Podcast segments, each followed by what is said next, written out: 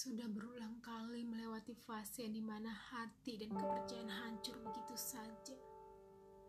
Kau datang dan pergi dengan semudahnya. Seakan-akan tugas aku di sini adalah mempertahankanmu. Berulang kali aku merasakan kehadiranmu dan berulang kali pula aku merasakan kehilangan. Bahkan hati dan pikiranku sudah tidak pernah berdamai sejak kau hadir dalam hidupku. Pikiranku berkata, perlakukan dia seperti dia memperlakukanmu.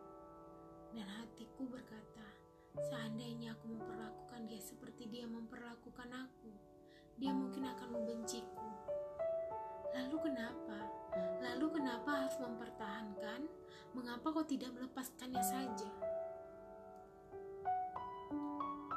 Kembali lagi di Via Suara, gue Suci dari podcast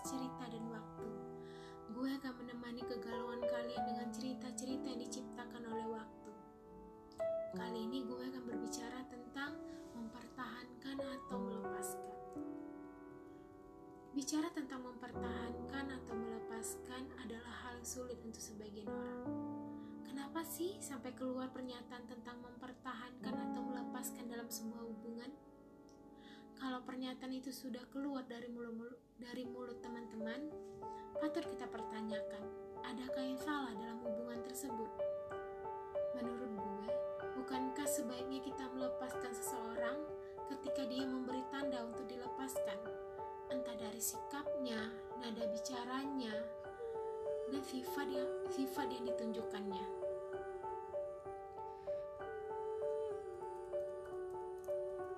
Dan apabila ada yang berkata, bagaimana kalau aku mencintainya? Apakah aku salah memperjuangkan sedikit lebih keras lagi untuk mempertahankan cintaku? Tidak, tidak ada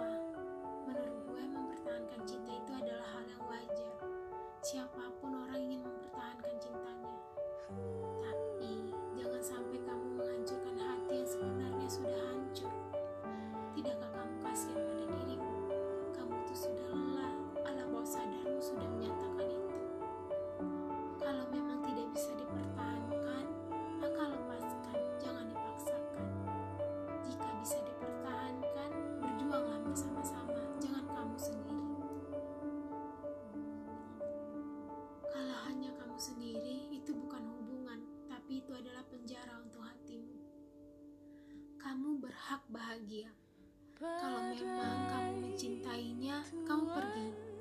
Jika dia mencarimu dan meminta kesempatan, silakan kamu kasih. Tapi, kalau dia tidak mencarimu, jangan pernah meminta. Jangan pernah meminta lukamu kembali padanya. Sebab dia